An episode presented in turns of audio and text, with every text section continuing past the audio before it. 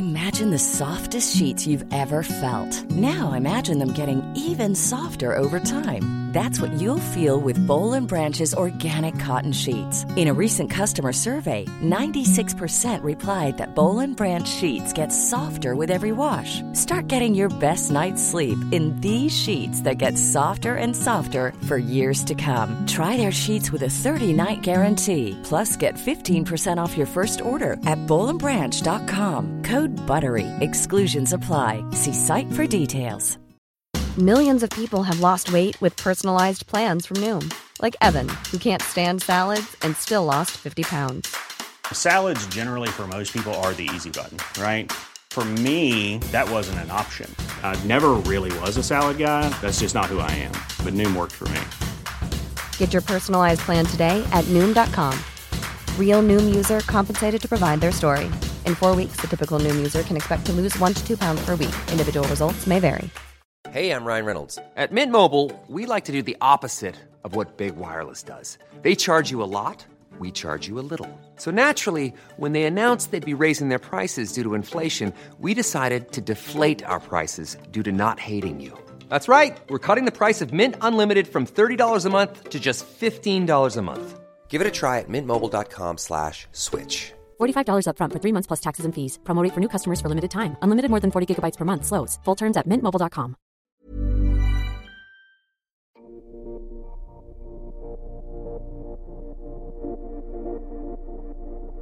Du lyssnar på Rättegångspodden och på del två om skräcken i källarateljén. Mitt namn är Nils Bergman. Ta- Sa jag det i tingsrätten? Jag sitter med den under ja, för att jag ska försöka ringa. Just ja, nu dras jag tillbaka i det här. Jag har ju förträngt en hel del. Jacqueline har förträngt delar av det som hände i källarateljén, av förståeliga skäl. Men under tingsrättsförhandlingarna som hölls i Stockholms tingsrätt våren 2020 så minns hon bättre. Där har hon berättat hur hon, hennes dåvarande pojkvän Marcus och deras gemensamma vän David under kvällen fått utstå dödshot och både fysisk och psykisk misshandel. Gärningsmannen, Michael, sa att de inte kommer komma levande ur den här källaren. Han dränkte in Jacqueline och Marcus i lacknafta och drog även en svart plastpåse över Jacquelines huvud. Hon trodde då för några sekunder att de var på väg att avrättas. Den här mardrömskvällen övergår till natt och hoten och våldet eskalerar. Jacqueline och Marcus beordras att sitta still i den soffan de sitter i. Och Michael täcker över dem med täcken och kuddar så att de ska bli så orörliga som möjligt. Rör de på sig så kommer de att dö, säger han. Men där, under täcket, sitter Jacqueline med sin tändare och sin mobiltelefon i händerna. Hon har en plan att ringa 112 så fort hon får chansen. Men Michael hinner upptäcka hennes mobiltelefon och tar den ifrån henne. Jacqueline tänker då för en kort stund om hon eventuellt ska försöka tända eld på täcket. Men jag ser inte att han har någon tändare. Men jag har själv en tändare och tänker en stund om jag själv ska tutta på liksom något täcke och, så att han blir distraherad. Typ. Jag försöker tänka på hur vi ska komma därifrån väldigt tidigt. Att jag vill ut. Jag säger jag vill ut. Jag vill, jag vill härifrån liksom. Att sätta eld på något i lokalen skulle kanske tvinga Michael att öppna ståldörren. På så sätt skulle de kunna fly. Men den planen är för riskabel eftersom Jacqueline och Marcus själva är indränkta i lacknafta. Jacqueline börjar nu känna att hon har fått nog. Den här situationen måste upphöra. Alltså jag börjar få nog så att jag, jag även om man hotar mig liksom så tänker jag inte ge upp utan liksom och har försökt liksom fly.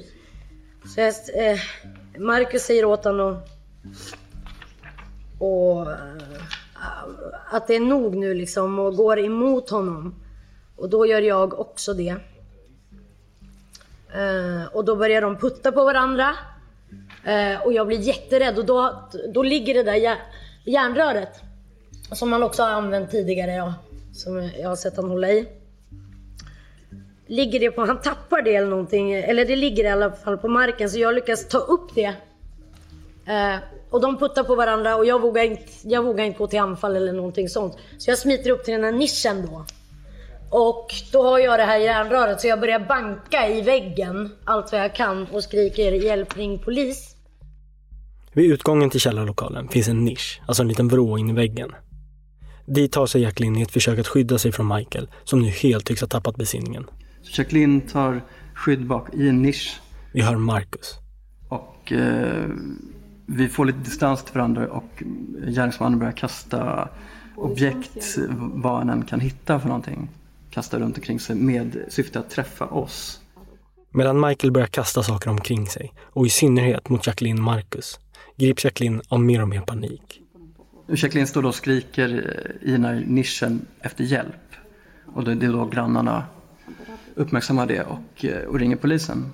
Det är först nu, efter midnatt, som det första larmsamtalet rings in. En polispatrull skickas ut till platsen och pratar med grannarna som ringt in. Men det är tyst när de kommer dit och de kan därför inte härleda var skriken kommer ifrån. Michael fortsätter under tiden att kasta allt han kan få tag på mot Jacqueline och Marcus. Glasflaskor, färgburkar och köksattiraljer. Ja, men allt som man får tag på. Alltså det står ju en massa bråte, alltså så här, flaskor, eh, kastrull, eh, möbeldelar, färg. Äh, men att det, det fanns ganska mycket glasflaskor där så att han började väl med dem. Mm. Även Marcus har tagit sig bort mot nischen där Jacqueline gömmer sig. Men den är inte tillräckligt stor för att skydda dem båda och då glasflaskor haglar mot dem hamnar Marcus i skottlinjen. Och han blir träffad. Och då får ju han um, ja, ett, en smäll i huvudet först. Uh, och sen en till. Alltså det flyger ju bara grejer. Uh, och vad menar du med en smäll i huvudet då? En flaska i huvudet. Okej. Okay. Och jag, det börjar ju uh, forsa blod liksom. Så, så, träffas jag i huvudet av en flaska mousserande som går sönder i huvudet på mig. Båda slagen är väldigt eh, kraftfulla. Jag märker att det ena slaget eh, får mig lite ur balans. Eh, det svartnar lite för ögonen men, men jag, jag ramlar inte utan får tillbaka kontrollen ganska snabbt. Flaskan krossas mot Marcus huvud och orsakar sju sårskador, varav tre av dem kommer att bedömas som allvarliga. Det börjar nu rinna stora mängder blod från Marcus huvud, vilket bidrar till ytterligare panik och dödsfruktan. Och ja, Marcus börjar blöda. Eh, och det är jätteobehagligt. Jag tror att han ska dö. Och jag blir livrädd och skriker. Alltså jag skriker ju väldigt mycket. Här har ju jag slutat hålla, hålla, hålla truten för jag vill verkligen att polisen ska komma liksom. Jacqueline skrek att Marcus blöder i huvudet. Kompisen David har tillfälligt tagit skydd i källarlokalens toalett. Men när han hör Jacquelines panikartade skrik inser han att den här situationen har nått en ny nivå. Det var väl då som jag började inse att okej, okay, eh, nu, eh, nu, är det, nu måste man eh, vara rädd om sitt liv. Så då kände jag, då kände jag en dödsfruktan. Liksom. Det går inte att på något sätt lugna ner eller få kontroll över Michaels urspårning. Och Jacqueline får nog på riktigt. Hon struntar i eventuella repressalier, såsom bestraffningar i form av misshandel från Michael, och beslutar sig nu för att börja skrika för full hals. Då kommer också David ut från toaletten. Och då har jag inte sett David på en stund liksom. Och så, sen så ser jag att han får den här kulan i nacken i full fart. Jag vet inte, det kan inte ha varit så många minuter efter att Marcus började blöda i huvudet som jag fick glaskulan mot mig. Med sin nedsatta synförmåga överraskas David när Michael plötsligt stormar mot honom med en ett och ett halvt kilo tung glaskula. Den slungar Michael mot Davids nacke Eh, och då skriker jag ju till liksom att, eh, att jag kan bli helt blind av en sån grej. För att jag har haft massa näthinneavlossningar. Eh, så ehm, sen hoppade jag in där då bakom väggen. Och då ska jag tillägga att jag är, jag är ju helt blind på ena ögat och ser 10% på andra. Så det är rätt lite syn. Så jag kan liksom inte, jag kan liksom inte stå och försöka, annars hade jag ju nog försökt göra någon hjälteinsats och faktiskt försöka öppna upp dörren. Men jag är inte kapabel till det för att jag har inte, jag har inte den förmågan liksom. Så eh, det kan tyckas fegt men jag hoppade in bakom väggen. Och eh, där stod jag och var tyst liksom. David har under de här skräckfyllda timmarna fått utstå en annan typ av misshandel och tortyr än den mer fysiska som Jacqueline och Marcus fått utstå. Med David har Michael spelat ett mer psykologiskt spel där han har tagit kontroll över honom och fått honom att dansa efter hans pipa. Men det här hårda slaget med glaskulan mot nacken har chockat David, som inser att det enda han kan göra är att själv söka skydd. Och han hittar då en ingång som leder in bakom en vägg. Du säger att du är orolig för Marcus. Hur känner du själv då? Hur känner du för Davids del? Ja, David, men jag, är, jag har ju haft lite svårt att liksom, i och med att David har ju spelat med, han har ju varit hans favorit under kvällen. Och har inte tagit alls något stryk som vi har gjort liksom, eller... Så jag är väl lite besviken på David, för jag vet inte vart jag har honom, om de har kommit på det här tillsammans, jag vet inte vad jag ska tro. Eh, men jag blir jätteorolig för honom när, han liksom får kulan på sig och sånt där.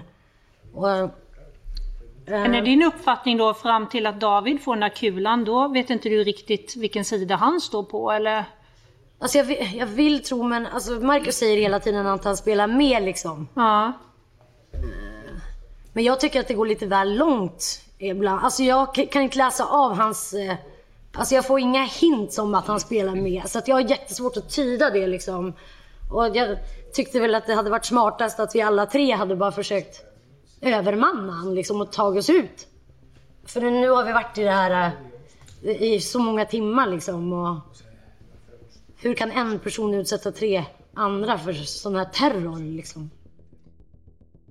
Efter ett långt och ihärdigt skrikande efter hjälp tycker Jacqueline plötsligt att hon hör någon utanför dörren. Det är polispatrullen med insatschefen Antti i spetsen som äntligen lyckats lokalisera dem. Poliserna bankar på dörren och försöker kommunicera med dem. Men Jacqueline och Marcus är fortfarande i ett för utsatt läge där de står i den trånga lilla nischen.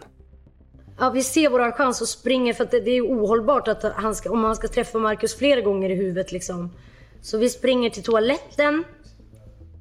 De tar sin tillflykt till toaletten och avvaktar för att se vad Michael gör nu när även han inser att polisen är nära. Och mycket riktigt så börjar nu Michael plötsligt lugna ner sig i sitt kastande och börjar istället skrika så att poliserna ska höra. Då börjar Michael eh, skrika ännu högre. Please, please don't kill me. Eh, för att överrösta mig liksom.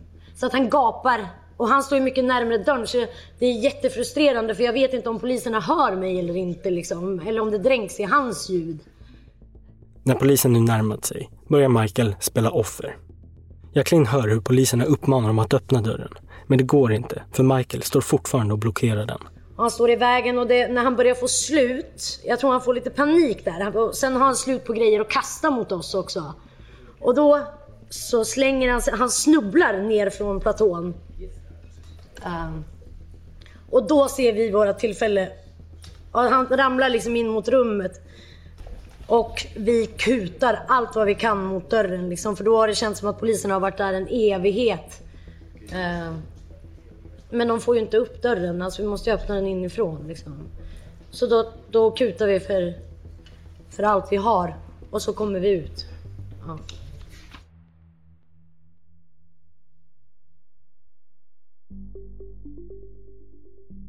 Men ta det från... från Ja, från att vi dyker ut eller? Ja, men exakt. Oh, alltså det var så... Alltså det var så sinnessjuk känsla. Jag tänker mest bara på att vi ska överleva, att vi överlevde. Lättnaden är total när Jacqueline och Marcus kastar sig ut. De överlevde.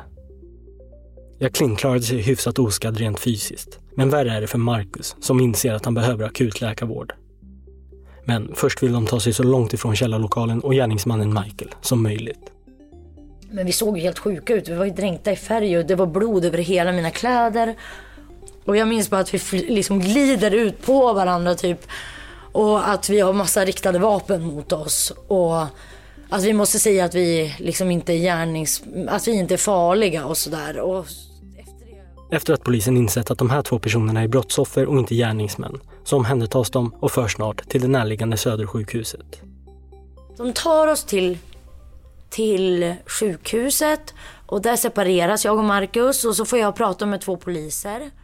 Samtidigt inser polisen också att gärningsmannen är kvar i källarlokalen, som de då beskriver som en soptipp. Och det är genom de inledande förhören på sjukhuset med den fortfarande chockade Jacqueline som får polisen att tro att även den fjärde personen, David, på något sätt kan ha agerat medgärningsman. Även om det inte är så Jacqueline uttrycker sig. Det var väldigt svårt att tyda in och jag var ju fortfarande i chock när jag blev förhörd först.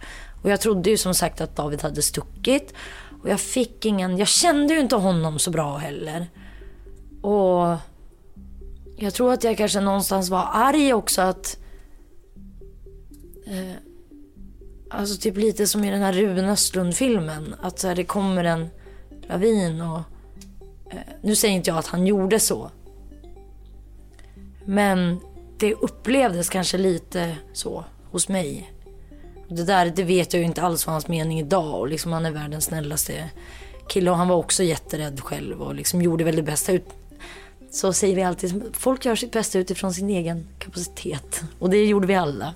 Liksom, och, eh, så det var jättekonstigt att bara förhålla sig till hela situationen just där och då. Men jag försökte ju vara så liksom informativ som möjligt. Och, men mest var jag tacksam över att vi var ute. Marcus får sina skador i huvudet ihopsydda och man väntar med att förhöra honom. Och samtidigt befinner sig David fortfarande kvar bakom väggen i källarlokalen, dit även Michael har tryckt sig in. Och eh, där stod jag och var tyst liksom. Vi hör David.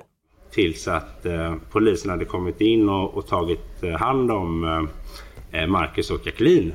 Då trodde jag ju att eh, mannen i fråga var borta ur bilden också. Men då eh, börjar han viska. Då viskar han liksom att eh, Hej, jag är här. Eh, några meter bredvid dig. Jag ska plocka ut dina ögon. Jag ska komma efter din mamma.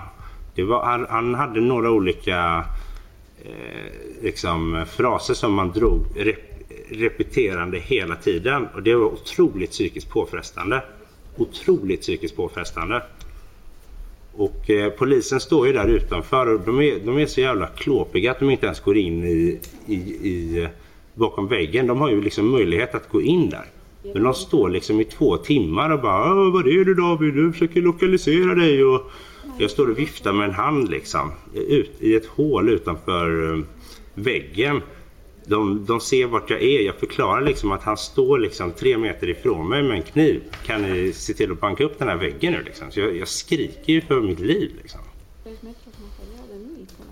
Och det, det där var otroligt. Det där var riktigt, riktigt, riktigt jobbigt. För att han, eh, han står liksom och säger att han ska plocka ut mina ögon, han ska komma efter min mamma, han ska döda mig. Och, och, och repetera de grejerna hela tiden.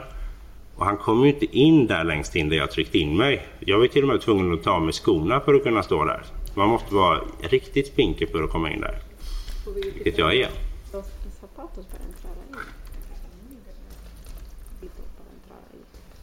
Mm.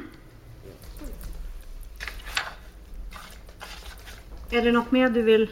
Jag tycker att det är jävligt av polisen att de, inte, att de, är, att de är så oobservanta. Att de, inte hitt, att de inte tar och kollar in där han stod. Det är ju för jävligt. Efter att polisen rivit väggen separeras David och Michael och de båda förs till polisstationen. Därför hörs David inledningsvis som misstänkt, men detta missförstånd reder snart ut sig när hans berättelse kommer fram. Samtidigt har Jacqueline och Marcus undersökts av läkare och fått tvätta av sig blod, färg och lacknafta. Dagen efter är de fria att lämna sjukhuset. Vi hör Jacqueline. Vi var där över natten, de tog mina kläder. Eh, och jag fick alldeles för stora sjukhusbyxor och, och jättebananskor. Och, alltså, jag såg fan klok ut, någon macka som jag inte tålde. Så jag, med gluten. Så, alltså, och så sen så kom ju Marcus och han hade ändå stylat till kläderna. Men vi fick ju gå, jag tror det var SÖS vi var på. Jo, fick gå därifrån på morgonkvisten och då hade han ju sytt en massa stygn i huvudet. De hade rakat av håret och allting. Och så blev vi bara utsläppta på gatan liksom i de här äh, ufo-dräkterna. Jaha, vad gör vi nu? Och så kom hans kompis och mötte oss i alla fall. Väl utsläppta kommer Jacqueline snart inse att ett nytt hot hägrar. Hotet om osäkerhet och ovisshet kring vad som kommer att hända med Michael. Den traumatiska händelsen kryper in under skinnet på Jacqueline, som inte behövde mer mörker i sitt liv. Men hon åker tillbaka till arbetskooperativet i Södertälje. Jag hade ju, för det första hade jag inte heller sagt till stället att jag, alltså det var så pinsamt att berätta. Och, men jag försökte liksom, jag kom tillbaka och var helt vit i ansiktet. Och de hade väl fått informationen. Det låter ju så konstigt. Det var ju ingen riktigt som fattade vad det var som hade hänt. Även om media skrev om det och så här. Så Mm, och jag vågar typ inte säga någonting om det. Så här, typiskt henne, åk in till stan en gång och så blir det något jävla typiskt. Så ofta man har fått höra det så jag orkar liksom inte. Nej, det var inte mitt fel. Och... Eh, det var liksom ingen urspårad liksom, rave som hade gått som slant utan det var liksom medveten sadism från en person. Jacqueline försöker återgå till någon slags vanlig vardag. Men hon känner sig ständigt ofokuserad och rastlös. Det enda som fungerar är promenader. Långa sådana. Nej men det som blev efter det var att jag kunde bara, jag kunde bara gå. Gå och gå. Så jag tog, jag lämnade alla mina saker på rummet och liksom, för jag blev rädd för ljud på natten och jag tror jag kanske överlevde en halv, nej inte ens en natt tror jag. Utan jag, jag liksom, jag var där helt tom. Så att jag bara, jag bara låste dörren och bara gick och sen dess så bara gick jag i flera månader. Under tiden Jacqueline bearbetar sitt trauma genom att försöka promenera bort det arbetar polis och åklagare med en förundersökning. Det innebär att ett åtal och en tingsrättsförhandling ligger i framtiden. Och för att förbereda sig på den processen så börjar Jacqueline lyssna på Rättegångspodden. Varenda natt så har ju du varit, alltså det är det som är så himla absurt för att det här har verkligen varit min snuttefilt istället. Och det kan ju låta liksom kanske lite morbid av mig eller vad man nu ska säga. Det, inte det ordet tycker jag inte passar så bra men att liksom lyssna på hemska historier. Eller, eller, men det, det lotsade mig fram i hur en rättegång fungerar. Ja, jag hoppas att, jag har ju tagit del av andras historier också liksom så att jag känner väl att bjuda på sig själv är väl det minsta jag kan göra tillbaka också. Mm. Månader går och slutligen väcker åklagaren åtal mot Michael. Han åtalas då bland annat för misshandel, försök till misshandel, olaga frihetsberövande, grovt olaga hot, ofredande och skadegörelse. Tingsrättsförhandlingen drar igång i maj 2020 och för vännerna Jacqueline, Marcus och David blir det en kraftansträngning att tvingas återuppleva och återberätta de här händelserna. Det var, det var i trygga rum som, som vi fick äh, möta han igen. Såklart, men, men jag blev ju ändå man blev ändå ledsen att han inte ägde upp för någonting och att han fortfarande förnekade och inte kunde titta oss i ögonen och, och liksom äga upp för det han har gjort. Äh, det var provocerande. Har nu mål B 24 0320 och det är nu förhör med Michael. Jag överlåter till åklagaren leder förhöret. Varsågod. Tack. Michael, eh, vi kan väl börja med lite kort bakgrund. Du har ju hört vad målsägarna berättat om hur ni... How would you like to look five years younger? In a clinical study, people that had volume added with Juvederm Voluma XC in the cheeks perceived themselves as looking five years younger at six months after treatment. Look younger, feel like you. Add volume for lift and contour in the cheeks with Juvederm Voluma XC. Reverse signs of aging by adding volume to smooth laugh lines with Juvederm Volure XC. For important safety information and to find a licensed specialist, visit juvederm.com. That's J U V E D E R M.com. Not for people with severe allergic reactions, allergies to lidocaine, or the proteins used in Juvederm. Common side effects include injection site redness, swelling, pain, tenderness, firmness, lumps, bumps, bruising, discoloration, or itching. There's a risk of unintentional injection into a blood vessel, which can cause vision abnormalities, blindness, stroke, temporary scabs, or scarring. Talk to a licensed specialist to find out if it's right for you. I'm Sandra, and I'm just the professional your small business was looking for. But you didn't hire me because you didn't use LinkedIn jobs. LinkedIn has professionals you can't find anywhere else, including those who aren't actively looking for a new job but might be open to the perfect role, like me. In a given month, over 70% of LinkedIn users don't visit other leading job sites. So if you're not looking on LinkedIn, you'll miss out on great candidates like Sandra. Start hiring professionals like a professional. Post your free job on linkedin.com/people today. Millions of people have lost weight with personalized plans from Noom, like Evan, who can't stand salads and still lost 50 pounds. Salads generally for most people are the easy button, right? For me, that wasn't an option. I never really was a salad guy. That's just not who I am. But Noom worked for me. Get your personalized plan today at Noom.com.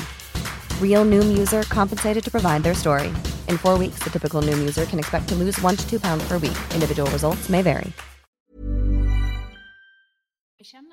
Det blir dags för den tilltalade Michael att berätta sin version om vad som hände i källarateljén.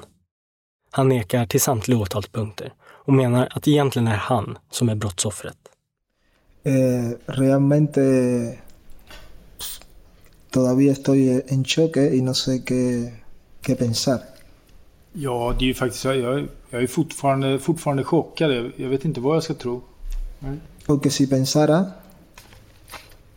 podría pensar que, que es una conspiración. Om jag skulle försöka tänka efter så skulle jag kunna tro att det var en konspiration.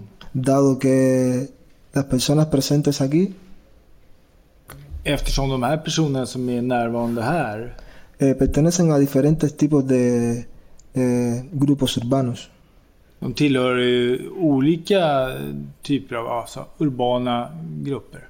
Como podría decir eh, eh, haters, eh, haters, a diferentes tipos de... No sé realmente el nombre, pero son de los años 70 los 80 creo que surgió un grupo haters y ellos pertenecen a ese grupo. Eh, Marcus es eh, grado 33 y yo est- estuve a punto de pensar que, que era masón, pero no. Ja, de tillhör ju olika grupper som uppstod på 70 eller 80-talet. He- Haters eller hipsters eller hasters tror jag de kallas. Eh, Jag vet inte riktigt. Och Marcus tillhör, tillhör grupp 33 eh, och eh, ett tag trodde jag att han var frimurare. Yo pensaba que era como una especie de iniciación o aceptación. Och jag trodde att det var någon sorts ja, initiationsrit först. Eller någon sorts ja, upptagande. När Michael fått spekulera klart vill åklagaren att han ska börja redogöra för den aktuella kvällens händelser. Då börjar Michael ta omvägar och kommer aldrig riktigt till skott. Åklagaren börjar då ställa mer direkta frågor. Om vi går framåt då på söndagen. Stämmer det att Jacqueline... en sonda. På söndagen? Ja. Stämmer det att Jacqueline kommer dit på eftermiddagen? När ni är i studion, du och David och Marcus? På eftermiddagen. På eftermiddagen. Ja. Va? Perdón. Vad sa du? Ursäkta. Vad säger du? Frågade vad jag sa? Ja. På eftermiddagen, på söndag eftermiddag, stämmer det som Jacqueline berättat och David och Marcus att ni är i studion alla fyra då och Jacqueline, Jacqueline kommer dit? Pero es que eh, si, si me deja explicar, eh, antes de que Jacqueline pasara, pasaron de diferentes cosas. Men om du låter mig förklara så innan eh, Jacqueline kom så hände det många andra saker. Mm. Ta det som är relevant då. Ah, perfecto. Ja, vad bra. Antes que Jacqueline llegara, estábamos planeando eh, para empezar el cumpleaños de David. Det Michael börjar prata om är inte speciellt relevant, anser åklagaren. Hon ber honom återigen gå vidare i sin berättelse och redogöra för de händelser som är intressanta för åtalet. Michael börjar då redogöra för bland annat var i lokalen han stod och rökte och hur många cigaretter han röker under kvällen. Åklagaren får helt enkelt börja ställa mer tydliga gärningspåståenden. Det görs ju gällande att du slår Marcus med en pinne eller baseballträ. Stämmer den uppgiften? Eh, negativo. Nej. Nej. Du ska slått sönder glasbordet. Det är det första som hände enligt Marcus. Stämmer det? No. Nej. Vem har slagit sönder glasbordet då? La mesa de cristal no tengo idea. Puede que la haya roto David. Glasbordet, jag har ingen aning. Jag, det kan ha varit David som hade sönder. Mm. Har du uttalat några hotelser mot målsägandena? No, Nej. Att de ska dö? no, Nej. Har du hindrat dem att lämna det här utrymmet? no, Nej. Har du stått i vägen för dem? no, Nej. Har du haft någon kniv vid något tillfälle? no, Nej. Det här som Marcus berättade då, att du sätter kniven mot hans lår. Stämmer den uppgiften? no, Nej. Nej.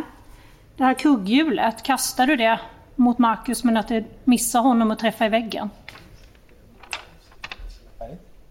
no, Stämmer inte? Nej. Jag har ju också hört att det berättas om lacknafta. Du skvätter lacknafta på Marcus och Jacqueline. Träffar även David. no, no vi. Nej, Jag, jag såg ingen lacknafta. det. Jag såg... Har du sett någon annan göra det? Nej, deras kläder är ju, de är ju undersökta och de har ju lacknafta på sig. Har du någon förklaring till det? Mi ropa también ha sido analizada. Ja, man har ju analyserat mina kläder också. Dina kläder hade väl inget? Utan det är målsägandens kläder. Tal vez, David le lanzó a ellos. Ja, Det var Da- David som kanske som kastade på dem. Kanske, men det är ingenting du har sett? Nej. Estaba durmiendo. Jag sov. Du sov? Okej. Plötsligt kommer Michael med uppgiften om att han sov under det här händelseförloppet, något han aldrig tidigare har nämnt. Michael fortsätter att förneka samtliga anklagelser, men saknar trovärdiga förklaringar kring hur alla skador, både på målsägandena och i lokalen, uppstått. Jacqueline berättar att hon har fått en plastpåse över huvudet av dig. Stämmer den uppgiften? No. Nej, det är fel. Mm. Marcus har också berättat om att han får en flaska, eller i alla fall två flaskor i huvudet. Och av den ena gör så att han börjar blöda. Är det någonting du har gjort? Eh, no. Och de två flaskorna som eh, Marcus berättat om då? Vem menar du har kastat dem på honom? Lanzó él. Ja, han kastade dem. På sig själv? Hur, ursäkta? Dav, Marcus berättar att han har fått två flaskor i huvudet av dig. Och du säger att han har kastat dem själv. Har han kastat dem på sig själv då, eller hur menar du? Claro. No, que me las lanzó hacia mí. Nej, han kastade dem mot mig. Okej, han har kastat flaskor mot dig. Har du någon förklaring till varför Marcus då behöver sy i huvudet och har skador i huvudet? Ah, porque yo realmente creo que en el tiempo que estuvieron en el baño, eh, él se las hizo con Jacqueline. Ja, jag tror faktiskt att under den tid som de var på toaletten så, så gjorde han dem på sig med Jacqueline. Okej. Michael nekar också till att ha slagit David i nacken med en glaskula. Alla skador som har uppkommit på målsägandena har de troligtvis orsakat själva, menar han. Åklagaren får inte ut mycket mer från Michael och förhöret rundas av. När polisen kommer till platsen har du hört att de berättar om att de skriker på att han är beväpnad med kniv. Och då syftar de ju på dig. Och sen när polisen står utanför och Jacqueline och Marcus lyckas ta, lyckas ta sig ut så får ju polisen uppfattning om att de flyr ut och är chockade. Varför tror du att det är så? Porque todo lo tenían planeado. Ja, för att de hade planerat allting. Okej. Så de spelar menar du då att det är något skådespeleri när polisen kommer? Claro. Ja, just det. Okej. Har jag förstått dig rätt nu då? Du har inte gjort någonting mot dem. Utan snarare är det de som har gjort saker mot dig. Yo todo lo que hice fue en mi defensa, pero yo no eh, traté de, de, de- de maltratarlos en ningún momento. Allt jag gjorde, gjorde jag i mitt försvar. Jag försökte aldrig misshandla dem. Michael hävdar alltså självförsvar. Och för att styrka det verkar det som att han och hans försvarare har ett S i rockärmen. Hej Michael. Du, eh, före lunch här så delade din försvarare ut eh, någon bild här. Innan lunchpausen lämnar de nämligen in en bild tagen under kvällen. Och enligt Michael och hans försvarare så är bilden talande för hur lugnt och stillsamt allt var. Men Marcus målsägande beträde är av en helt annan uppfattning. Eh, Jag ska förklara vad jag tycker att jag ser så får du väl kommentera det. Jag ser bland annat ett soffbord som är sönderslaget. Och jag ser också två personer som sitter uppkurade i soffan och ser ut att hålla om varandra. Más que están subidos al sofá y parecen estar abrazándose. Ser du det också eller? ¿Lo ves también? Sí, sí. Ja, ja. Okej. Och, och i vilket sammanhang menar du att den här bilden är tagen? ¿Cómo está hecho esa foto según tú? Eh, no tienen nin- la foto. eh, normalmente nunca hago fotos en casa de los amigos. Ja, alltså bilden, I vanliga fall så tar jag aldrig bilder hemma hos kompisar. Det var inte min fråga. Försök svara på den frågan som jag ställde till dig. Eh, ¿Puede, responder, puede repetirlo nuevamente? Kan du upprepa frågan då en gång till? Okej, okay. jag säger till dig att jag ser ett soffbord som är sönderslaget och jag ser två personer som sitter i en soffa och håller om varandra uppkurade. En soffa. Och då frågar jag, i vilket sammanhang menar du att den här bilden är tagen? ¿En qué contexto está hecho esta foto? No tiene ningún contexto, es una foto. Det är inte någon kontext alls, det är en okay. bild. Mot bakgrund av de berättelser vi har hört tidigare i målet, nämligen att du hotar personer, slår personer, slår sönder saker i den här lägenheten eller lokalen. Och så tittar vi nu på en bild som tycks avbilda just den här situationen. Har du någon kommentar till det eller har du någon annan uppfattning om det sammanhanget jag tycker mig se av den här bilden? Som du själv har åberopat. Es una foto que describe lo que estábamos viviendo. Det är en bild, Todo estaba bien. Det är en bild som beskriver situationen som vi var i just då. Att uh, allihopa, som, att allt var bra. Vi, vi lämnar det då. Tingsrättsförhandlingen avslutas och ett par veckor senare, den 27 maj, faller tingsrättens dom. I domen resoneras det huruvida Michael varit allvarligt psykiskt sjuk vid tiden för den här händelsen.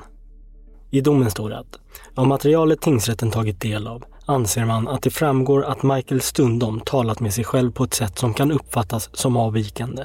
Medan han andra gånger snarare uppträtt utstuderat och beräknande. Efter gripandet observerades ett klart avvikande beteende och man bedömde att det förelåg en allvarlig psykisk störning i form av ett drogutlöst psykotiskt sjukdomstillstånd. Vid den rättspsykiatriska undersökningen uppträdde Michael ordnat. Han uppvisade inte några tecken på paranoia eller sviktande verklighetskontakt. Den sammantagna rättspsykiatriska bedömningen är att Michael begått gärningarna under påverkan av en allvarlig psykisk störning i form av en drogutlöst psykos. Däremot lider han vid tiden för undersökningen inte av någon allvarlig psykisk störning. Sammantaget gör tingsrätten bedömningen att Michael varit i ett sådant tillstånd vid gärningstillfället att han haft en i vissa avseenden bristande verklighetsuppfattning. Hans tillstånd bedöms dock inte ha varit av sådant slag att han inte ska anses ha varit så pass orienterad i tid och rum att han därigenom skulle sakna uppsåt. Tingsrätten skriver vidare att de därför övergår till att pröva de objektiva och subjektiva förutsättningarna för ansvar, åtalspunkt för åtalspunkt. Och de kommer då fram till följande. Michael döms för försök till misshandel för att ha kastat ett kugghjul mot Marcus och Jacquelines huvuden. Han döms för skadegörelse för att ha förstört hela källarlokalens inredning. Han döms för olaga hot för att ha sagt att alla ska dö och att ingen skulle få lämna lokalen levande. Han döms för grovt olaga hot för att ha hotat Marcus med en kniv samt för att ha stuckit kniven mot hans lår. Han döms för ofredande för att ha hällt lacknafta på Marcus och Jacqueline och för att ha satt en plastpåse över Jacquelines huvud. Han döms för misshandel för att ha slagit dem i baseballträ, kastat två föremål, varav ett av föremålen var en flaska, mot Marcus huvud samt med hård kraft kastat en stor glaskula som träffade David i nacken. Tingsrätten finner också styrkt att målsägandena under denna tid anses ha varit frihetsberövade. Att Michael med hotfullt och våldsamt beteende hindrat dem från att lämna lokalen och att han tagit Jacquelines mobiltelefon och därmed hindrat henne att ringa 112 samt att han har stått och vaktat den enda utgången. Tingsrätten gör bedömningen att den som begått ett brott under en allvarlig psykisk störning ska i första hand dömas till en annan påföljd än fängelse. Straffvärdet för den brottslighet som Michael har gjort sig skyldig till motsvarar enligt tingsrättens mening fängelse i tre år. Men som tidigare framgått ska dock i mildrande riktning beaktas att den tilltalade till följd av en allvarlig psykisk störning haft nedsatt förmåga att inse gärningens innebörd eller att anpassa sitt handlande efter en sådan insikt. Då själva gärningarna var utlösta ur ett psykosliknande tillstånd finner tingsrätten att synliga skäl för att bestämma påföljden till fängelse inte föreligger. Valet står därmed mellan villkorlig dom och skyddstillsyn. Villkorlig dom anses vara utesluten endast i de fall då det finns särskild anledning att befara att den tilltalade kan komma att återfalla i brott. medan skyddstillsyn anses vara utesluten endast om det helt saknas anledning att anta att påföljden kan bidra till att den tilltalade avhåller sig från fortsatt brottslighet. Av utredningen framgår att Michael lever under oordnade sociala förhållanden och att han har en missbruksproblematik. Den lämpligaste påföljden för honom blir därför skyddstillsyn i förening med en särskild föreskrift om att han ska underkasta sig den vård och behandling som frivården bestämmer.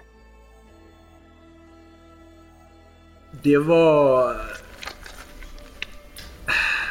Alltså det var så bisarrt att sitta i, i häktet för någonting som jag inte hade gjort. Innan tingsrättsförhandlingarna avslutades fick David frågan av sitt målsägandebiträde om hur hans tid efter den här händelsen varit. Att David inledningsvis misstänktes som medgärningsman när han i själva verket varit brottsoffer som misshandlats var minst sagt påfrestande. Jag, jag mådde dåligt för att jag, jag, jag fick låna kläder av polisen. Skor i någon ful gammal färg som var för små. Så jag Mm. fick skavsår. Eh, Så fick jag gå ut med byxor som var för stora så jag fick hålla upp dem. Och, eh, och någon jätteful jacka. Mm. Så fick jag gå ut på gatan liksom utan någonting. Så fick jag eh, planka på tåget liksom hem. Mm. Mm. Ja, det var ingen härlig upplevelse. Nej. Jag nämnde ju inledningsvis att du var sjukskriven fram till den 12 april. Mm. Eh, Sjukskrev du dig direkt efter den här händelsen? Eh, ja, i, i, i stort sett ja. Mm. Någon vecka efter. Mm. Tycker du att ditt liv i övrigt har påverkats av det här? Drömmer du mardrömmar eller har du ändrat Ja. ditt beteende när du träffar Eh, människor? Ja, men jag, jag är ju, eh, jag är ju generellt skärrad liksom. Mm. Och just det här obehaget att det händer liksom bara så- alltså det här är inte, jag har inte sökt mig till något kaos och så uppstår det ett kaos. Mm. Så eh, jag, jag hade dagen innan varit och gjort eh, workshops med barn. Liksom. Gjort låtar med tioåringar. Liksom. Mm. Och så kom jag in i- till det här liksom. Mm. Totalt kaos. Och det, ja, det, det har varit eh, jäkligt jobbigt liksom. Mm. Målsägandet Marcus lämnades inte bara med omfattande fysiska skador, såsom stora blåmärken som satt kvar under lång tid, samt sju sårskador i huvudet. Han blev också allmänt skärrad och omskakad. Har det påverkat dig på något annat sätt än fysiskt det här och i så fall hur? Eh, alltså jag blev ju... Jag blev av med min eh, kontorslokal som jag har spenderat ett år med att eh, Mm. renovera. Jag tänkte vi, vi kommer till den delen. Ja, Eh, Jag tänkte mer nu, jag frågade först om det fysiska, nu tänkte jag mer på det psykiska. Eh, Om, det, om det har påverkat dig och i så fall hur? Eh, det är klart att det påverkar. Eh, jag, jag har vid något tillfälle eh, tror, tror mig se Michael eh, på stan sådär. Eh, men eh, ja, det sätts en spår. Jag vet inte vad jag ska säga mer än så. Det, jag kommer över det men det, det har varit jobbigt. Källarateljén hade Marcus lagt ner mycket tid, omsorg och pengar på att renovera och den totalförstördes. Grannarna i byggnaden blev också så skärrade av den här händelsen att de inte ville att han skulle fortsätta husera i lokalen. Så mitt i återhämtningsprocessen av det här traumat som utspelade sig i den här lokalen så tvingade sig Marcus dit för att flyttstäda. Så, där, så han blev ju kvar med att städa upp i det där också. Fy, hans livsverk liksom. Vi hör Jacqueline. Fy fan vad sorgligt. Men... eh, Hur klarade han det? Det gjorde han ju inte. Det gjorde han ju inte. Han... Jag vet inte, han bet ihop och målade om att det kanske var en del av processen också. Jacqueline är idag på rätt väg i livet. Men den här oförutsedda händelsen lämnade henne med ett stort trauma som fortfarande är svårt att hantera. Nu är ju inte jag i... Det har ju tagit ifrån mig också eftersom... Ja, men vissa ställen, jag vågar inte gå på... Jag vågar inte röra mig så fritt som jag gjorde innan liksom med risk för att kanske stöta på honom eller... Vad skulle man göra i en sån situation? Och, eh, det är lite tidigt än så att det har ju blivit att jag har backat ut ur mitt eget space I, istället för tvärtom. Så är det jag som har dragit härifrån nu. Det är ju inte bara på grund av det, men... Eh, ja, det är som när en mobbare, mm, eller när en person som blir mobbad måste byta skola liksom. Och så får, får taskmörtarna stanna kvar i klassen. Nej, det är inte rättvist. Jacqueline återgick till sin vardag i arbetskooperativet i Södertälje med goda resultat. Hon flyttade senare till ett annat boende utanför Gävle där hon började fokusera mer på sin konst, men också på sina hästar. Eh, en kvinna och hennes dotter som har tre stycken islandshästar som jag eh, kom i kontakt med och så har vi liksom bara eh, skulle hästen som jag tar hand om mest, eller som jag rider då, eh, de, eh, hon skulle egentligen iväg på foder men nu efter att vi har lärt känna varandra i en och en halv månad så behåller hon henne för mig. Och nu vill jag börja gråta. Eh.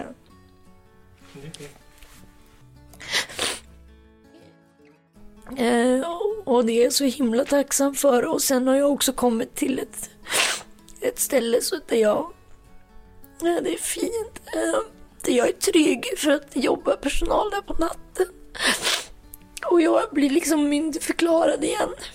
Och jag har bott där i 65 dagar. Och det här är första gången jag är inne i Stockholm efter det. Så det är också ganska känslomässigt. För Stockholm är så brännmärkt för mig liksom. Det fanns en tanke bakom skapandet av dockteatern i papier-maché, föreställandes ett Disney-slott. Inte bara fungerade den som ett arbetsprov till en konstskola Jacqueline idag kommit in på. Skapandet av ett sånt förtrollande och oskuldsfullt konstverk bröt upp vardagens mörker och fick Jacqueline att bejaka lekfullheten i livet. Att bygga ett slott inifrån och ut som i den här soc-lägenheten liksom. Det blir sån himla fin kontrast. Och um, det blir väldigt symboliskt också. Och det, det gör att jag kan liksom ta på att jag också mår bättre idag. Um, och det är kul att visa för folk hittar på haken. Det, det, jag är jättenöjd med det liksom. Men jag som jag har papier-machéat mig till fan fördärv. Men det är värt det och det kan låta kanske lite barnsligt så men det, ja, det är väldigt, väldigt fint. och ja, sen så ska jag väl så småningom om liksom, men jag är på det, jag har liksom hittat vilken riktning jag vill i livet och det var det är väl det som är det viktigaste och sen att det har varit lite skit på vägen. Mm. Eh, det är vad det är. Mm.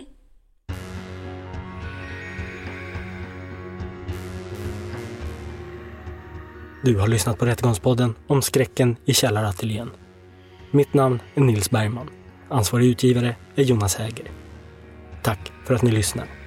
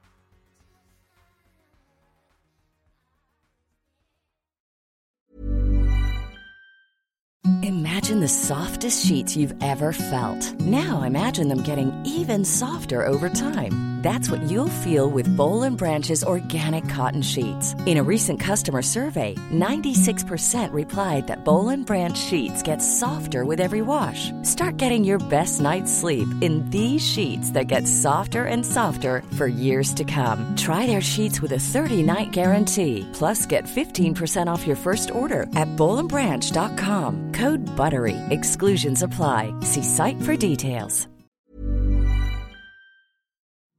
Rättegångspodden är en Tall Tale produktion. Ansvarig utgivare är Jonas Häger. Och Rättegångspodden görs i samarbete med Lexbase.